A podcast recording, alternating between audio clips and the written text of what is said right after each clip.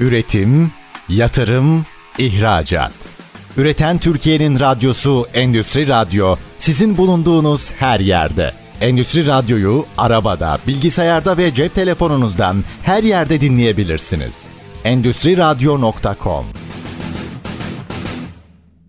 Enerjisini üreten fabrikalar zirvesinin sunduğu Altuğ Karataş'la enerji programı başlıyor.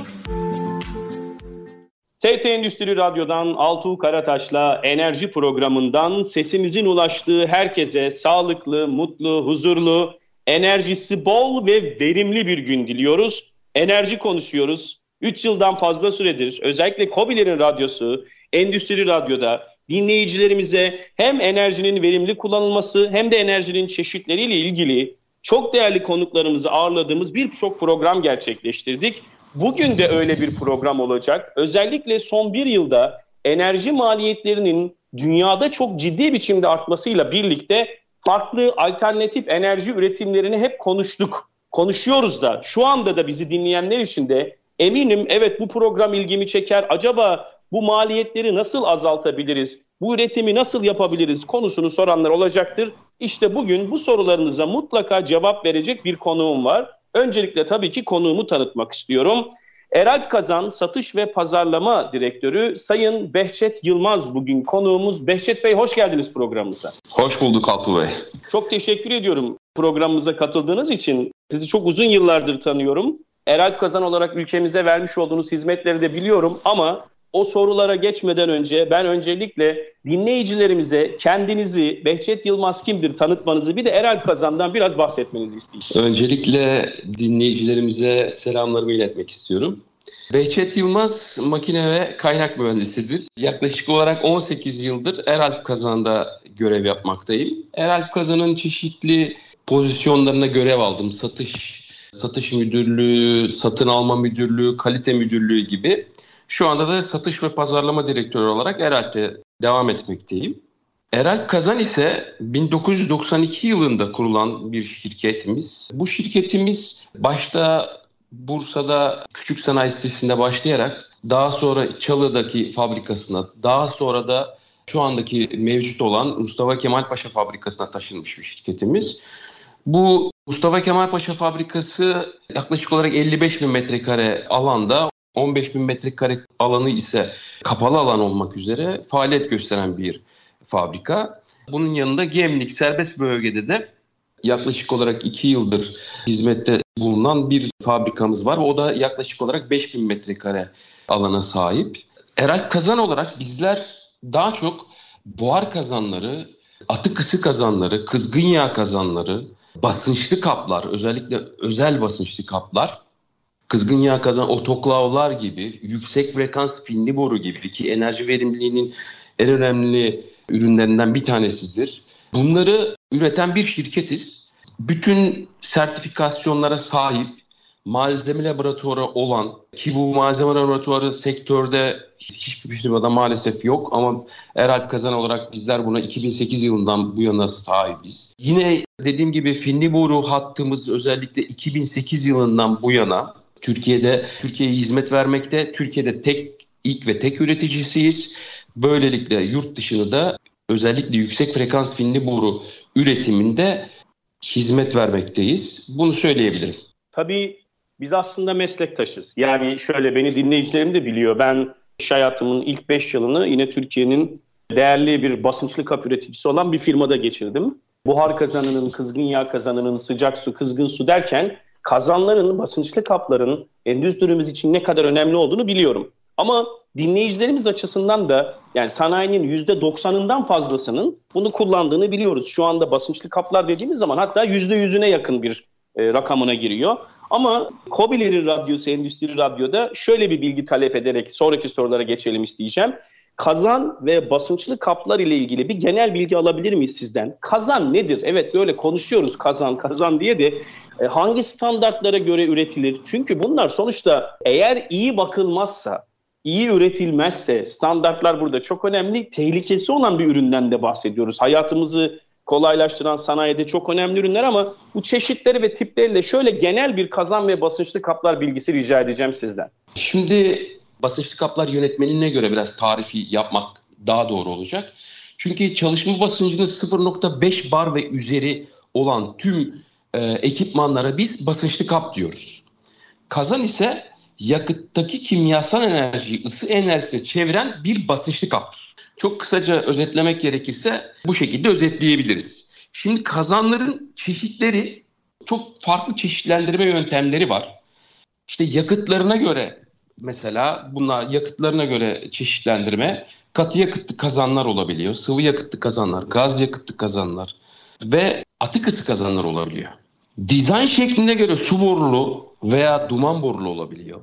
Atık ısı daha doğrusu ısıtılan akışkan türüne göre de sıcak su kazanları, kızgın su kazanları, buhar kazanları ve kızgın yağ kazanları olarak adlandırabiliyoruz. Basınç sınıfına göre de bir sınıflandırma söz konusu kazanlarda. Alçak basınçlı kazanlar, orta basınçlı kazanlar, yüksek basınçlı kazanlar ve süperkritik kazanlar diye adlandırılıyor basınç sınıfına göre. Bir de geçiş sayısına göre yani dumanın geçiş sayısına göre tek geçişli, iki geçişli veya üç geçişli şeklinde kazanları sınıflandırabiliriz. Çok göreceğiniz gibi yaklaşık olarak beş çeşit çeşitlendirme türü var. Biraz komplike bir sistemdir kazanlar. Kazanlar üretim olarak İEN ve ASME standartlarına göre üretilirler. Geçmişte her ülkenin kendine özgü standartları var iken üretim ve teknolojinin küreselleşmesiyle hemen hemen bütün ülkeler yerel standartlarını bu iki standarta adapte ettiler ve günümüzde bunlar bunlardan birini kullanır hale geldiler. Yani herkes eskiden bir standart, bir kendine göre işte EN 497 derken şimdi herkes şu anda 12952, 953 standartlarını konuşuyor. Şimdi dediğim gibi bu arada da bu kazanların tiplerine göre de standartlar değişmekte. Biz eğer alev duman borulu bir kazandan bahsedecek olursak burada EN 12953 standartından bahsederiz. Bütün 12953 standartından bahsederiz ve bu bütün üretim prosedürleri, üretim e, kontrolleri bu standarta göre yapılır. Eğer biz kazanımızı su borulu yapacaksak bu sefer de EN 12952 standartlarını baz alırız. Bunu söyleyebilirim. Evet, standart olarak bunlar. Yani burada şöyle bir şey tabii çıkıyor. Basınçlı kap. Dedik ya tehlike sonuçta yüksek, orta, düşük basınç siz belirtseniz sonuçta basınç var bunun içinde. Ama eminim şu anda bir kalorifer kazanı da tabii ki bir basınçlı kap. Hatta kullanılan kombiler de gene aynı şekilde e, ısı, enerji üreten her şey işin içine giriyor. Şimdi burada şu soruyu soracağım. Sanayide Türkiye tabii 90'dan sonra 1990'dan sonra sanayileşmesi çok hızlı gelişen bir ülke ve ciddi bir sanayi, endüstriyel tesislere sahibiz şu anda. Sanayide hangi sektörler özellikle kazan kullanılıyor? Çeşitli tiplerini de belirttiniz. Bir genel bilgi de buradan alabilir miyiz? Kimlerin kazana ihtiyacı var? Bununla ilgili de bir bilgi rica edeceğim sizden. Tabii ki. Şimdi kazanların neredeyse kullanılmadığı sektör yok diyebiliriz. Üretim faaliyetlerinde bulunan işletmelerde ısı ihtiyacına göre muhakkak bir kazan bulunur diyebiliriz. Çünkü bir ısıtmanın söz konusu olduğu noktada muhakkak ısıyı transfer eden, prosese ısıyı vermesi gereken bir enerji kaynağı gerekiyor. Bu da kazan olmakta. Bu nedenle neredeyse siz aslında programın başında söylediğiniz neredeyse yüzde yüzünde kazan ihtiyacı var. Ama yine de sıralayacak olursak kimya sektörü, otomotiv sektörü, kağıt sektörü, tekstil, gıda, çimento, cam, demir çelik, konut, elektrik üretim santralleri, hastaneler, oteller, AVM'ler gibi aslında günlük hayatta neredeyse bütün mekanlarda biz kazan kullanımını görüyoruz. Tabii bu sektörden sektöre kazanların tipleri değişmekte. Bir bir sektör kızgın yağ kazanına ihtiyaç duyarken bazıları buhar kazanına, bazılarında sıcak su kazanlarına, bazıları kızgın su kazanlarına ihtiyaç duymakta diyebiliriz. Burada da şu çıkıyor, çe- çeşitleri de söylediniz. Şimdi buhar dediğimizin de tabii birçok tipi var. Buhar su en iyi akışkan olduğu için sanayimizin çok büyük bir kısmında kullanılıyor. Şimdi kazanların tabii çeşitleri, bu çeşitlerle birlikte önemli olan kazanlarda yakmış olduğunuz yakıtın karşılığında ne kadarını gerçekten kullanılabilir enerjiye dönüştürdüğünüz neticesinde aslında verimden bahsediyoruz. Şimdi tiplerine ve modellerine göre değişebilir ama verimli bir kazan hangi komponentlere sahip olmalıdır? Ve verimli bir kazanın sizin tabii teknolojik ürünlerle şu anda e, ulaştığınız verim oranları var. Kim? Şu an bizi dinleyen birçok sanayici var. Ben hangi verimde kazanım verimlidir diyebilirim? Aşağı yukarı bunlarla ilgili oranlar verebilir misiniz bizlere? Tabii. Şimdi öncelikle sorunuza kazan verimlilikleriyle başlamak istiyorum. Dikkat ederseniz kazan verimleri dedim. Çünkü kazanların verimi yakıt tipine, kazan tipine ve basınca göre değişkenlik gösterir. Örneğin biz bir doğal gazlı kazanda %98,5 verimi konuşurken yakıt yakıtımız yani katı yakıtlı bir kazan olması durumunda %82'lerle 91'ler arasında biz bir verimden bahsediyor olacağız. Şimdi bu tabii verimli bir kazan nasıl oluşturulur? Öncelikle standartlara göre üretim yapan, imalat yeterliliğine ve sertifikalarına sahip kişiler tarafından yapılmalı bu tür kazanlar. Bunu söylemek lazım. Verimli bir kazanda da yüksek yanma verimi, uygun ocak dizaynı, alev geometrisi, kazan içi gaz hızları ve özellikle katı yakıtlar için doğru yakıt besleme sistemi sistemi büyük önem taşır. Şimdi bunları anlatıyorum çünkü çoğu firma ya benim kazanım verimli diyor. Aslında baktığınız zaman piyasada çok doğal gazlı kazan olduğu için onun üzerinden örnekleme yapmak isterim. %90, 91'ler, 92'ler gördüğümüz çok kazan e, dairesi var. Hatta bu bu rakama ulaşmayan kazan daireleri var. Fakat biz %98,5'ları konuştuğumuz bir zamanda %91 gerçekten çok düşük bir rakam kalmakta ve emin olun bu kabul edilebilecek bir durum değil. Gerek ülkemiz adına gerek işletmelerin e, maliyetleri adına e, katlanılabilecek bir durum değil. Şimdi e, sorunuzun diğer kısmına gelirsek hangi komponentlerden oluşmalı? Bir kere muhakkak ve muhakkak kazanlar iyi dizayn edilmesi edilse bile kazanların arkasında bir ekonomizer olmalı. Bu ekonomizer ekonomizerleri de biz kendi arasında üçe ayırıyoruz. Besi suyu, kullanım suyu veya reküperatör şeklinde. Bunlardan herhangi bir veya iki tanesini muhakkak ve muhakkak kazanlarının arkasında koymalarını tavsiye ediyoruz. Şiddetle tavsiye ediyoruz. Çünkü bu sistemler bizim verimimizi ciddi anlamda arttırmakta. Örnek verelim. Biraz daha anlaşılması açısından piyasada 150 derece baca gazı sıcaklığı olan bir sistem, bir kazan dairesini örnek verelim. Eğer siz bu kazanın arkasına 150 derecenin arkasına bir veya birden fazla ekonomizer koyar ve baca gazı sıcaklığınızı 60 derece gibi sıcaklıklara düşürebilirseniz ki bu çok mümkün, çok rahat yapılabilen e, bir uygulamadır.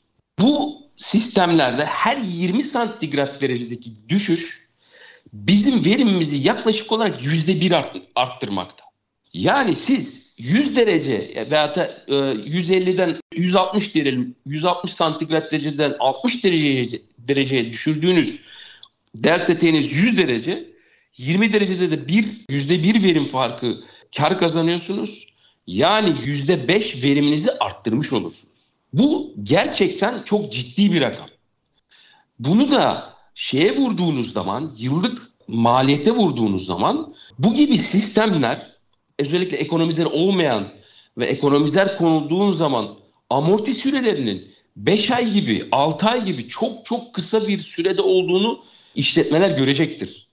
Bunun gibi emin olun o kadar çok uygulama yaptık ki ve nasıl söyleyeyim bu işin olmazsa olmazı ekonomizerlerdir diyebilirim. Burada ben bir araya gireceğim. Tabii siz çok önemli noktaya değindiniz. Buradaki sohbet çok güzel gidiyor. İkinci bölümde de devam edeceğiz. Ben onun için ilk bölüme bir ara vereceğim. O için araya girdim. E, ama şunu anlıyorum.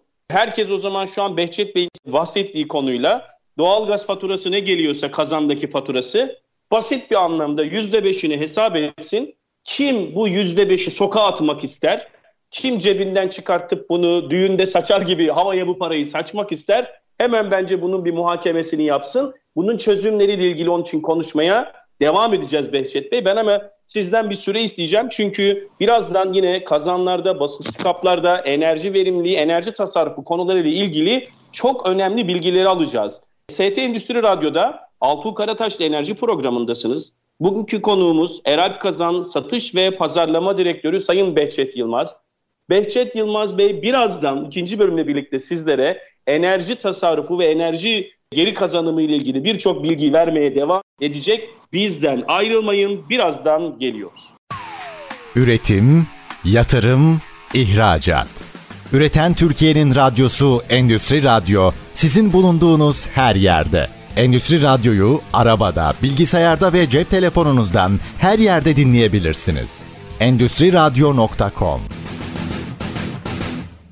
ST Endüstri Radyo'dan Altuğ Karataş'la enerji programımızın ikinci bölümünden herkese tekrar merhaba. Önemli bir konuyu konuşuyoruz. Basınçlı kapları, kazanları konuşuyoruz. Kiminle konuşuyoruz? Bugünkü konuğum Eral Kazan, Satış ve Pazarlama Direktörü Sayın Behçet Yılmaz. Behçet Bey ilk bölümde tam böyle verimli kazan komponentlerine değinmiştik ki siz aslında kazanlardaki atık ısıyı, o atık ısı geri kazanım sistemi olan Economizer'la aldığımızda bir örnek de verdiniz. 160 dereceden 60 dereceyi indirsek baca gazını, oradan örnek veriyorum sıcak su üretsek %5 tasarruf ederiz demiştiniz. Ben de demiştim ki herkes otursun kazanla ilgili faturasına baksın. %5, 1 milyon lira faturası olan için 50 bin lira, 10 milyon lira faturası olan için 500 bin lira demek. E, ciddi bir rakam. Ve bunun da bir yılın altında geri döndüğünü söylemiştiniz ki ben hep bu sloganı söyleyerek başlayıp topu size atacağım. En iyi yatırım aracı enerji verimliliğidir.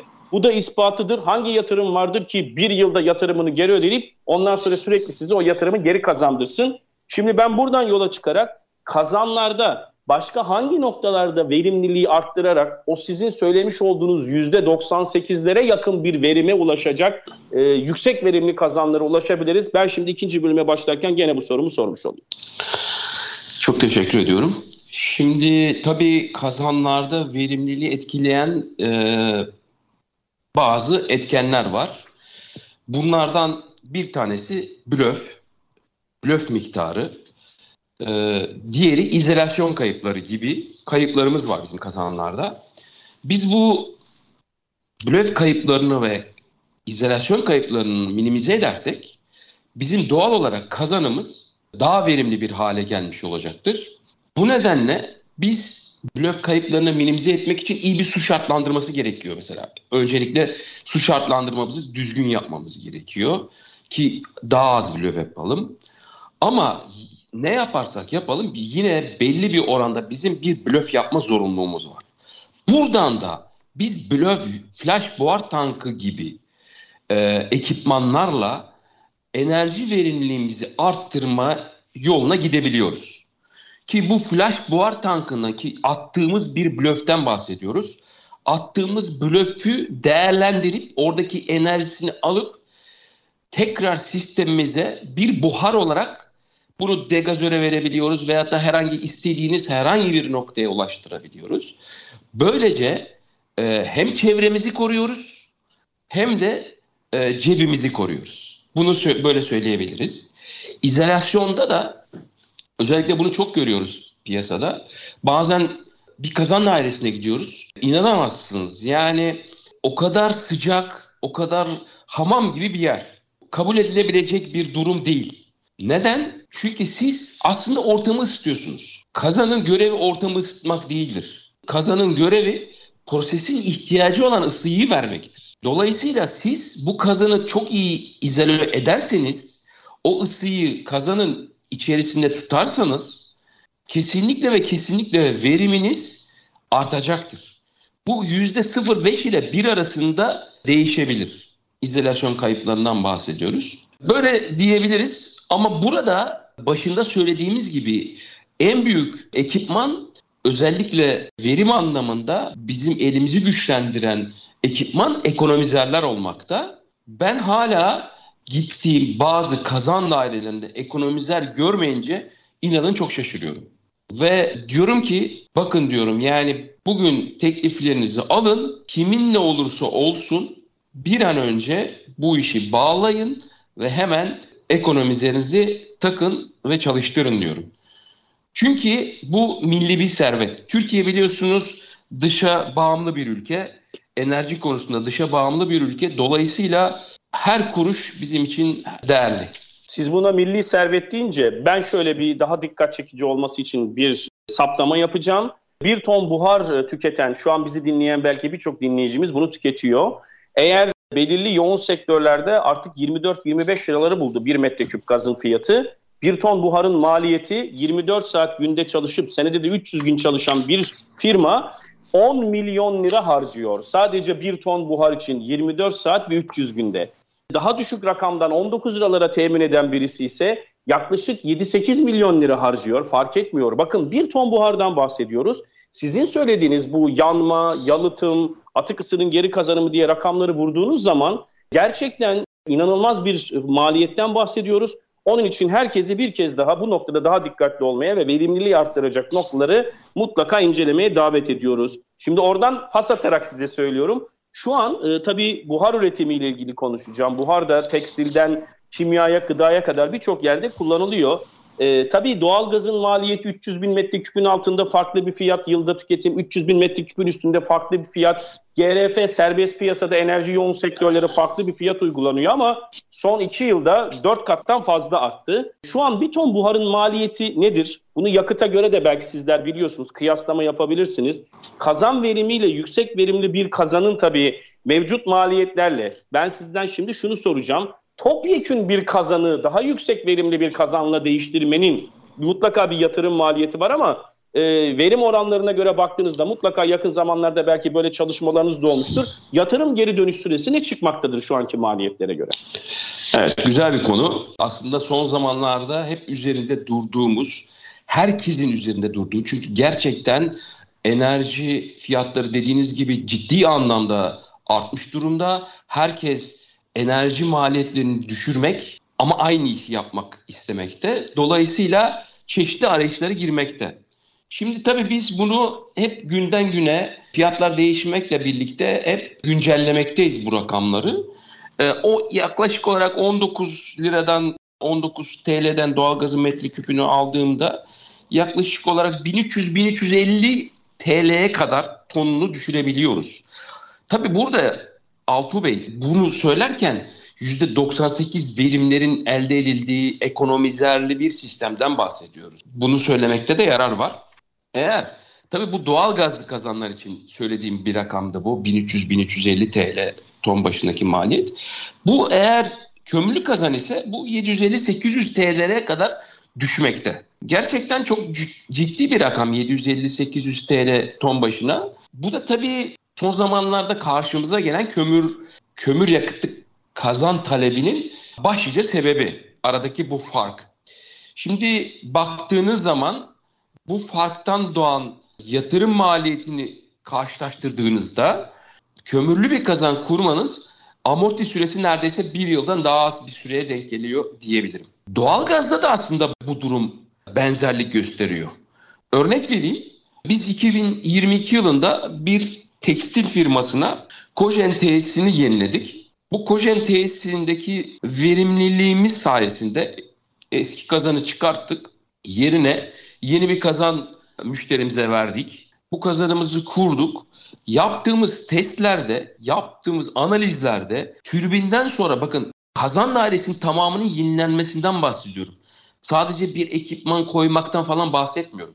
7 ay gibi kısa bir sürede bu sistem kendini komple amorti etmiştir. Çok ciddi bir rakamdan bahsediyoruz. Firmalar bunun farkında değiller. Zannediyorlar ki ya işte yapsak da çok büyük bir şey elde etmeyeceğiz. Ama bunlar rakamlar ortaya koymakta. Şimdi müşteriler bir de son zamanlarda bize şöyle gelmeye başladı.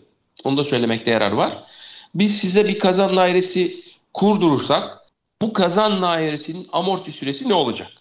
Geçen günlerde yine uluslararası çok uluslararası bir firmaya yaptığımız, bilinen bir firmaya yaptığım bir analizde 15 tonluk bir kazan için yapmıştım bu analizi. Kazan yaklaşık olarak 8 ayda yine kazanı komple bakın yani komplesini yeniliyoruz. Degazörünü, kondensini, A'dan Z'ye brülörün her şeyini yenilememize rağmen 8 ay gibi kısa bir sürede bunu yeniliyor. Bu amorti ediyor.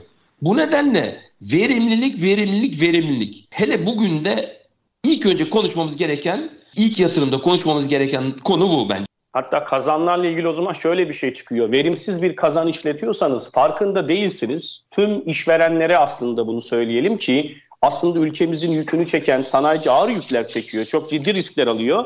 Aslında ben şöyle tabir ediyorum. Cebinin delik olduğunun farkında değil. Bir para kazanıyor, cebine atıyor belki işveren ama verimsiz bir kazanla cebi delik olduğu için o paraya boşa gitmeye başlıyor. Bu açıdan da biraz daha çarpıcı olsun diye bu benzetmeyi yapmak istedim. Peki kazanımız var. Verim kısmı ile ilgili de belirttiniz. Ama kazanı işletirken de sonuçta 24 saat veya işte iki var diye veya tek var diye senenin büyük bir kısmında sürekli çalışan bir sistemden bahsediyoruz biz. Bu kazanları işletirken nelere dikkat etmeliyiz e, Behçet Bey? Bu da önemli. Yani arabalara bakım yaptırıyoruz ama bazı kurallar diyoruz daha verimli araba kullanmak için daha az yakıt tüketerek filan diye bunları konuşuyoruz. E, kazanlar hepsinden daha fazla harcıyorlar. Kazanları işletirken nelere dikkat etmek lazım? Şunu söylemek lazım. Kazanlar bir kere basınçlı kaplar. Basınçlı kaplar özenle çalıştırılmalı, özenle kontrol edilmeli. Bu nedenle bu nedenle birkaç husus var. Bunlardan bir tanesi bir tanesi Güvenlik. Öncelikle güvenliği kazancı arkadaşlar kazanın güvenliğinden sorumlular ve bu bunun gereklerini yere get, yerine getirmek durumundalar. Diğer konu ise kazanın verimli çalışması. Bunun için kazancılar yanma kalitesini kontrol etmeliler. Bu genellikle brülörün patlama kapağı dediğimiz kısmını, brülörün yanmasını kontrol ediyor arkadaşlar. Bu, bu noktadan yanmayı kontrol etmeliler. Katı yakıtlarda da yine gözetleme camları mevcuttur. Böylelikle bizim kazanın verimli yandığını, daha doğrusu yanmanın verimli olduğunu bir kere kontrol etmek durumundalar. Bunun dışında baca gazı sıcaklıklarını kesinlikle takip etmeliler. Şöyle düşünün, bizim sistemimiz normal şartlarda 100 derece, 120 derece gibi baca gazı sıcaklığı ile çalışırken oldu ki sistemimizde olası bir arıza veya olası nedenlerden dolayı baca gazımız 140-150 derecelere çıktı. Bakın 140-150 de yüzde bir minimum yüzde bir kaybınız var. Dolayısıyla arkadaşlar bir kere baca gazı, baca gazı sıcaklıklarını devamlı kontrol etmeliler. Güvenlik anlamında da dediğim gibi basıncı, sıcaklığı bu gibi e, konulara dikkat etmek durumundalar. Bunu söyleyebiliriz. Bunların hepsini hatırlatmanız için ben de tekrar teşekkür ediyorum. Bir de bakımını da e, ufak değineceğim. Tabii her şeyin bakarsan bağ olur, bakmazsan dağ olur diye atasözümüz var. Bu kadar çok enerji tüketimi olan, bu kadar tehlike anlamında da ciddi tehlikeler aslında barındıran bir ürün fabrikaların kalbi aslında burası. Yani o olmadan hiçbir şey olmuyor. Ne ürün boyayabiliyorsun, ne bir kimyasalı ısıtabiliyorsun, ne de bir şeyi pişirebiliyorsun. Bu kadar da fabrikaların kalbi olan bir tesisin e, bakımı nasıl verimi etkiliyor? Şimdi e, tüm sistemlerde olduğu gibi buhar kazanlarında periyodik bakım hem güvenli hem de verimli çalışma için gerekli. Bunu söyleyebiliriz. Özellikle bir örnek verelim. Skoç tipi kazanlar için iyi şartlandırılmış su kullanımında bakımlarda gördüğümüz kireçlenme muazzam bir verim kaybına sebep oluyor. Boruların bakın boruların üzerinde 0.4 mm kalınlığında bir kireç tabakası oluşsun. Bu kireç tabakasının bize verim olarak etkisi minimum %1. Bakın 0.4 milimetreden bahsediyoruz. Dolayısıyla hani daha başında söyledik verimli bir kazanda neye dikkat edeceğiz? İşte iyi bir su şartlandırılmasına dikkat edeceğiz demiştik.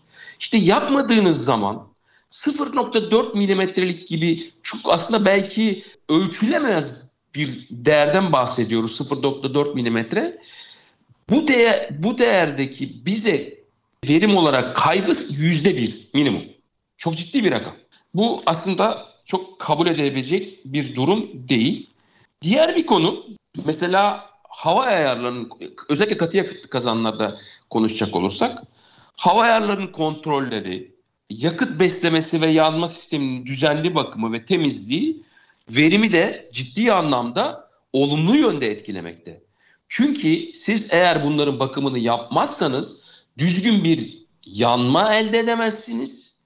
Düzgün bir yanma elde edemezseniz de e, sizin veriminiz otomatik olarak düşmekte. Bu yüzde yüzde bir, bir buçuk mertebelerini konuşabiliyoruz burada.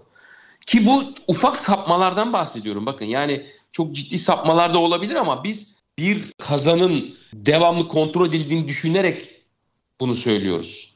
Bir de şunu da söylemek gerekir. E, bu kazanlar, kazanların bakımı yılda bir kere muhakkak zaten yapılmalı. Bunun dışında ülkemizde de yönetmeliklerle sabit olan basınçlı kaplar yılda bir olmak üzere periyodik kontrollere tabi tutulur. Tabii bu periyodik kontroller biraz maalesef tam istediğimiz gibi olmuyor. Bu nedenle bu nedenle bunların yanında bir de kazancılar tarafından da periyodik kontrolün yapılmasını tavsiye ediyoruz. Verimlilik anlamında. Dediğim gibi yıllık periyodik bakımlarda zorunlu olan bakımlarda kesinlikle verimlilik anlamında herhangi bir konu göz önünde bulundurulmuyor. Sadece mukavemet hesapları ve basınç testi gibi testler yapılıyor ama verimlilik anlamında bu böyle değil. Çok teşekkür ediyorum. Tabii çok önemli bilgi ama sohbetimiz çok iyi gidiyor Behçet Bey ama yine bir ara vermek durumundayız. Dinleyicilerimize bu faydalı bilgiler aktarmaya devam edeceğiz. ST Endüstri Radyo'dasınız.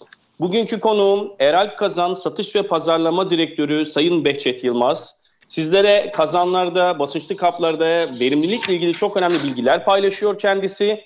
ST Endüstri Radyo'da Altuğ Karataş'la enerji programından ayrılmayın. Birazdan faydalı bilgileri paylaşmaya devam edeceğiz. Üretim, yatırım, ihracat. Üreten Türkiye'nin radyosu Endüstri Radyo sizin bulunduğunuz her yerde. Endüstri Radyo'yu arabada, bilgisayarda ve cep telefonunuzdan her yerde dinleyebilirsiniz. Endüstri Radyo.com ST Endüstri Radyo'dan Altuğ Karataş'la enerji programımızın 3. bölümünden herkese tekrar merhaba. Karasal yayından Sakarya'dan İstanbul'a, Yalova'dan, Bursa'dan, Manisa'dan İzmir'e, Konya, Ankara, Gaziantep, Kayseri derken birçok ilimizde karasal yayında dinleyebildiğiniz gibi bu programı dinlerken ben yarıda yakaladım. Çok önemli bilgiler veriyor. Eyvah kaçırdım demeyin. Çünkü ST Endüstri Radyo'nun internet adresinden podcastleri dinleme şansınız olduğunu da hatırlatıyorum. Geçmiş programlara buradan ulaşabilir. Hatta faydalı olduğunu düşündüğünüz programları başkalarıyla da paylaşabilirsiniz. Onun için program kayıtlarının podcastlerini dijital yayınlarda size hatırlatmış olalım. Bugünkü konuğum Eral Kazan Satış ve Pazarlama Direktörü Sayın Behçet Yılmaz. Behçet Bey ilk iki bölümde gerçekten bir tonluk kazanın bile neredeyse yılda 10 milyon lira maliyeti olduğunu, sizin bize vermiş olduğunuz bilgilerle yüzde birler, ikiler, üçler, beşler, yüzde onlara kadar tasarruf şansı mümkünatı olduğunu, cebimizin hatta delik olduğunu, bunları kaybettiğimizi söyledik. Şimdi bunlar hepsi çok güzel gidiyor. Verime de çok vurgu yaptınız. Sorumu şöyle soracağım. Şimdi bizi dinleyen işveren diyor ki ya Behçet Bey çok güzel bize anlattı Altuğ Bey de ben kazanımın verimini bilmiyorum ki ben verimli miyim verimsiz miyim? İşte burada ölçmenin önemi çıkıyor. Ölçme nedir? Birincisi kazanlarda nasıl bu verimi ölçebiliriz, izleyebiliriz? Bir de dijitalleşme dönemindeyiz. Bunu uzaktan sürekli de izleyebilir miyiz? Evet. Şimdi ölçme gerçekten ilk önce bir şeyi ölçmeniz lazım.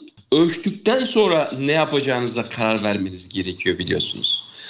Bu nedenle kazanlarda da verimliliği bir kere ölçmemiz lazım. Mevcut durumu tespit etmemiz gerekir. Bunu nasıl yapıyoruz? Kazanlarla en basit yöntem sayaçlar.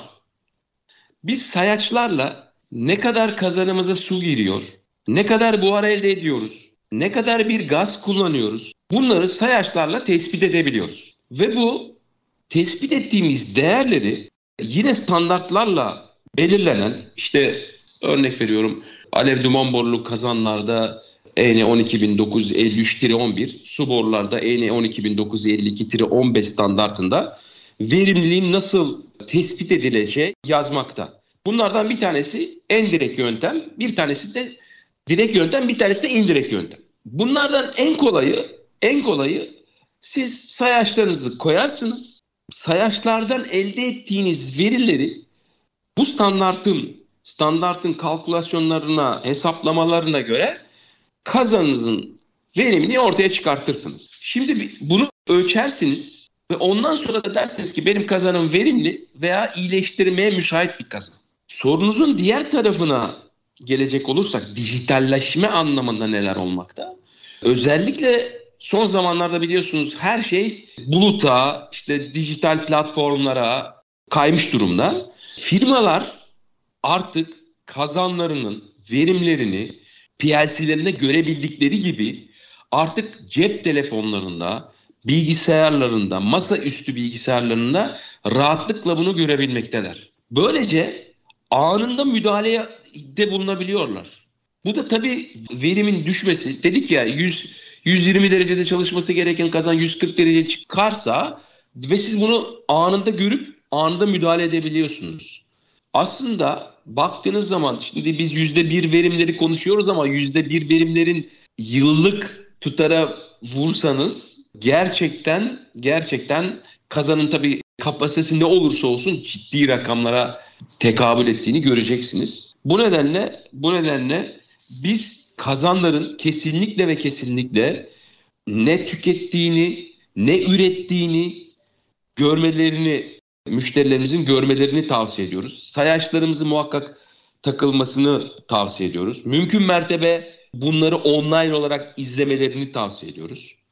Bu aynı zamanda bu tür dijitalleşmede aynı zamanda SCADA sistemleri kurulumuyla hem izliyoruz, bakın hem izliyoruz hem de kontrol edebiliyoruz. Sadece kon- şeyde değil, izlemede değil yaptığımız. Aynı zamanda uzaktan kontrol de söz konusu.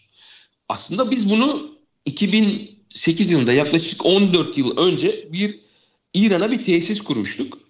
Kurduğumuz bu tesiste uygulamıştık öyle söyleyelim. Ve şunu söyleyebiliyoruz şu anda bile. Şu pompa dursun, diğeri çalışsın. Bu kontrolü bile yapabiliyoruz. İzleme okey. İzlemeyi zaten yapabiliyoruz. Ama kontrol bile artık çok rahat yapılabilen bir şey diyebiliriz. Bu tabii önemli. Dijital taraf, kazan verimini. Aklıma şu geldi. Biraz önce hani bir ton buhar üretimi olan bir tesisin yılda o kazanda 10 milyon lira harcadığını, yüzde birin bile 1 milyon liraya tekabül ettiğini, o zaman 3-5 bin dolarlık sadece bir sayacın bile milyonlar kazandırabileceğini. Çünkü o ilk yatırım yüksek geliyor. Ama bu rakamları özellikle daha çarpıcı olması açısından vurguluyorum. Yani 5 bin doları monte etmediğinizde, 3 bin doları monte etmediğinizde ya bir yatırım yapmadık iyi oldu derken bir anda 500 bin dolar kaybediyor olabilirsiniz. Yani bunun çok acı reçeteleri çıkıyor olabilir. Şunu da söylemek lazım. Şimdi bir kazanınız var ama siz ne tükettiğinizi bilmiyorsunuz. Hangi yükte çalıştığınızı bilmiyorsunuz. Planlama da yapamıyorsunuz. İlerleyen süreçte benim bu kazanım yetecek mi, yetmeyecek mi bunu bilemiyorsunuz. Bu nedenle sadece verimlilik olarak da bakmamak lazım. Aynı zamanda ilerleyen süreçte planlamalarınız için bu sayaçlar işletmeler için aslında elzem diyebiliriz. Çok doğru. Bu tespitiniz için de çok teşekkür ediyorum. Kazanlarla ilgili daha spesifikte sadece son daha kısa şu soruyu soracağım. Kazanı işletecek kişilerin de yetkinliği önemli midir? Yani kazan alıyor firmalar da onu işletecek. Çünkü sonuçta bu kadar önemli ma- maliyetlerden ve rakamlardan bahsediyoruz. İşletecek kişilerin yetkinliği konusunda bir standart var mı ya da bununla ilgili bir mesleki eğitim var mı? Kesinlikle var. Uzun yıllardır bu eğitimleri Makine Mühendisleri Odası verdi. Kazancı belgesi deniyor buna. Son zamanlarda bu mesleki yeterlik sertifikası olarak değişti. Mesleki yeterlik sertifikası olarak değiştiğinden bu yana mesleki yeterlik sertifikası veren kurumlar tarafından verilmeye başlandı. Makine mühendisleri de bunlardan bir tanesi. Onu söyleyebilirim. Bir kere kazan basınçlı ekipman, patlamaya müsait bir ekipman doğru işletilmezse dolayısıyla kesinlikle ve kesinlikle kazanı işleten arkadaşlar açıkçası biraz uyanık arkadaşlar, biraz her şeyi bilmesi gereken arkadaşlar olmak durumundalar. Çünkü işlettikleri bir ekipman ciddi kazalara demeyelim de ciddi hatalara sebebiyet verebilir. Bu da çok önemli bir bilgi. Böyle yüksek tehlike arz eden bir ürünün Hem verimli işletilmesi hem de güvenli işletilmesi konusu. Bir de şunu söylemekte yarar var Altuğ Bey. Yani minimum e, şimdi herkes şunu söylüyor. Diyor ki ben benim kazanım otomatik çalışıyor. Kazanlarda da bu arada onu da söylemekte yarar var. 24 saat ve 72 saat gözetimsiz diye kazan dairelerimiz var. Bu otomasyonla bu kazanlar kendi kendini otomatik olarak çalıştırabilmekteler. Buna rağmen yönetmelikler minimum bir tane kazancının kazan çalıştığı müddetçe kazanın yanında olmasını zorunlu kılmakta. Siz kazancı sertifikasına sahip olabilirsiniz ama bir tane bir işletme 24 saat çalışıyor. Bir kazancıya, bir kişiye kazancı sertifikası alıp bu sertifika yeterli olmuyor maalesef. Yani 3 var diye çalışıyorsanız 3 tane kazancınız ve 3 tane sertifikalık kazancınız olmak durumunda. Bu Türkiye'de zorunluluk, ülkemizde zorunluluk. Onu söyleyebilirim. Önemli bir bilgi bu. Ee, bunu da verdiğiniz için, bu bilgiyi de verdiğiniz için çok teşekkür ediyorum. Programımızın sonuna doğru giderken şunu sormak istiyorum. Siz Eral Kazan olarak yurt dışına, çünkü katma değer üretimi önemli ülkemizde, yurt dışına üretim yapıyor musunuz? Yine eğer bilgi varsa sizden rica edelim. Türkiye'nin basınçlı kaplar ihracatı ne seviyede? Yani bizim ürünlerimizi şu anda dünyanın farklı ülkeleri kullanıyor mu? Ön, özelde size soracağım. Eral Kazan şu an nerelere bu, bu ihracatı gerçekleştiriyor? Evet. Eral Kazan olarak biz aslında ilk ihracatımızı 2002 yılında yaptık. Fil dişi sahillerine. Ondan sonra da bu ihracat serüvenimiz gün güne arttı. Daha çok daha çok Avrupa ülkeleri olduğunu söyleyebilirim. Bunların arasında Almanya, Danimarka, İngiltere, Fransa, İtalya, Yunanistan, Bulgaristan, onun dışında e, Libya, e, Afrika ülkelerinden, İran, Türkmenistan, Tataristan gibi, Endonez hatta Endonezya, Malezya gibi ülkelere ihracat yapıyoruz. Tabii bizim 2020 yılında faaliyete aldığımız Gemlik Serbest Bölge'deki fabrikamız tamamen ihracat odaklı çalışmakta. Bunu söyleyebilirim. Bu fabrika tabii kuruluş amacı ihracat yapmak. Kurulduğundan bu yana gerçekten güzel projelere imza attı diyebilirim. Örneğin bir tane İtalya'ya geçen geçen seneydi e, yanlış hatırlamıyorsam İtalya'ya devasa büyüklükte bir çöp yakma kazanı yaptık. İspanya'ya basınçlı kaplar yaptık. Şu anda yaklaşık olarak 6 aydır da Avusturya'ya yaptığımız bir elektronik atık bertaraf kazanı var. Bir atık kısık kazanı var ki devasa büyüklükte. Bu kazan aslında tek fabrikada üretilebilecek bir kazan değil. İki fabrikamız yaklaşık olarak 6 ayı da belki de geçmiş de olabilir. 6 aydır bu kazan üzerine çalışıyor. Öyle düşünün. İki fabrika bir kazan üzerine çalışıyor. Yaklaşık olarak da bir ay bir, bir ay gibi bir süresi daha var. Böyle bir kazan üretiyoruz. Bu kazan da çok özel bir kazan. Onu da söyleyebilirim. Bildiğiniz elektronik atıkları, e, elektronik cep telefonunu, işte bilgisayarlar, tabletler gibi cihazları yakıp bunu enerjiye çevirecek bir kazandan bahsediyoruz. Bunun gibi birçok özel projeye aslında imza attık. Atıyoruz da gün güne e, ihracatımız da artıyor. Bu tabii biraz da bilinirlikle alakalı, tanınırlıkla alakalı. Bunu söyleyebilirim. Gemlik serbest bölgenin tabii vermiş olduğu avantajlar da var bize. Biliyorsunuz Gemlik serbest bölge limanın içinde olan bir serbest bölge. Yani siz hacimli işlerinizi rahatlıkla limandan sevk edebiliyorsunuz. Ki bizim genellikle son zamanlarda çalıştığımız işler daha çok hacimli olmakta. Dolayısıyla bu bize transport anlamında, sevkiyat anlamında ciddi avantaj sağlamakta. Buranın da avantajını görüyoruz diyebilirim. Şimdi sohbet çok iyi gitti ama ben son iki dakikada bitirmek üzereyiz programı. Şunu da size sormak istiyorum. Bu Avrupa Yeşil Mutabakat ve Sınırda Karbon Düzenlemesi sanayimizin üstüne muazzam bir baskı yapıyor. Karbonsuzlaştırma, dekarbonizasyon giriyor. E, kazanlarda fosil yakıt tüketimi var ama teknolojik gelişmelerinizi de soracağım. Farklı yakıtlar deniyor musunuz? Bunun üzerine çalışıyor musunuz? Karbonsuz enerji bütün sanayicimizin beklediği bir haber. Bu konuda çalışmalarınız var mı? Kesinlikle var. Şöyle e, söyleyeyim. Özellikle hidrojen özelinde konuşmak lazım bu konuyu. Son zamanlarda yaklaşık olarak aslında biz bu çalışmalara yaklaşık bir yıla yakın bir süre önce başladık. Ben şeyi söylemeyi unuttum aslında belki. ARGE merkezimiz var Eralp Kazan olarak. Bakanlık tarafından onaylı bir ARGE merkezimiz var. Dolayısıyla ARGE projeleri geliştiren bir şirketiz.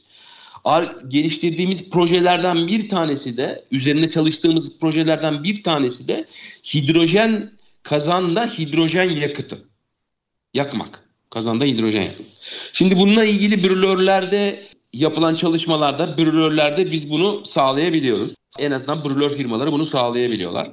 Biz de bununla ilgili yapmış olduğumuz çalışmalarda özellikle ve özellikle başta mix yani hem belli oranda doğalgaz, belli oranda hidrojenle başlayıp daha sonra da tamamen hidrojene geçmeyi planlıyoruz. Böyle bir çalışma var ama bu çalışmalar tabii biraz yavaş gidiyor. Neden yavaş gidiyor? Hidrojenin alt ısıl değeri bildiğiniz gibi yüksek. Dolayısıyla dolayısıyla bu alt ısıl değerin oluşturduğu kazan üzerinde oluşturduğu etkileri testini yapmak lazım. Bununla ilgili şu anda bir test standı oluşturmaya başlayacağız. O seviyeye geldik ve o test standından elde edeceğimiz verileri bundan sonraki kazanlarımıza uygulayacağız diyebilirim. Bununla ilgili de bir sürü bir sürü teklif vermeye başladık özellikle yurt dışında. Türkiye'de bunu konuşmak emisyon değeri Türkiye'de pek konuşulmuyor belki ama yurt dışında tabii yurt dışında çalışınca yurt dışında NOx, karbon monoksit, karbondioksit her konuda emisyon her konusunda size sorular gelmekte ve bu sorulara buna göre cevap vermekteyiz. Yani vermek zorundayız. Buna göre de açıkçası teklifler veriyoruz öyle söyleyebilirim. Son derece güzel bir e, bilgi ve teknolojik gelişme aslında yanma ile ilgili çok güzel bir sohbet oldu e, Behçet Bey ama programı tabii kapatmak zorundayız. Dinleyicilerimiz için de çok faydalı olduğunu düşünüyorum. Bugünkü konuğum Eralp Kazan Satış ve Pazarlama Direktörü Sayın Behçet Yılmaz idi. Behçet Bey çok teşekkür ediyoruz programımıza katıldığınız için. Ben teşekkür ediyorum. Ve ülkemize de katma değer sağladığınız için sizi ve tüm Eralp Kazan ekibine de e, teşekkürlerimizi iletiyoruz. ST Endüstri Radyo'da Altuğ Karataş'la enerji programımızın sonuna geldik. Güzel bir sohbet oldu, güzel bilgilendirme oldu. Umarım sizlere de fayda sağlamıştır. ST Endüstri Radyo'dan faydalı bilgiler edinmek için ayrılmayın diyoruz. Sizlere enerjisi bol ve verimli bir gün diliyoruz. Hoşçakalın.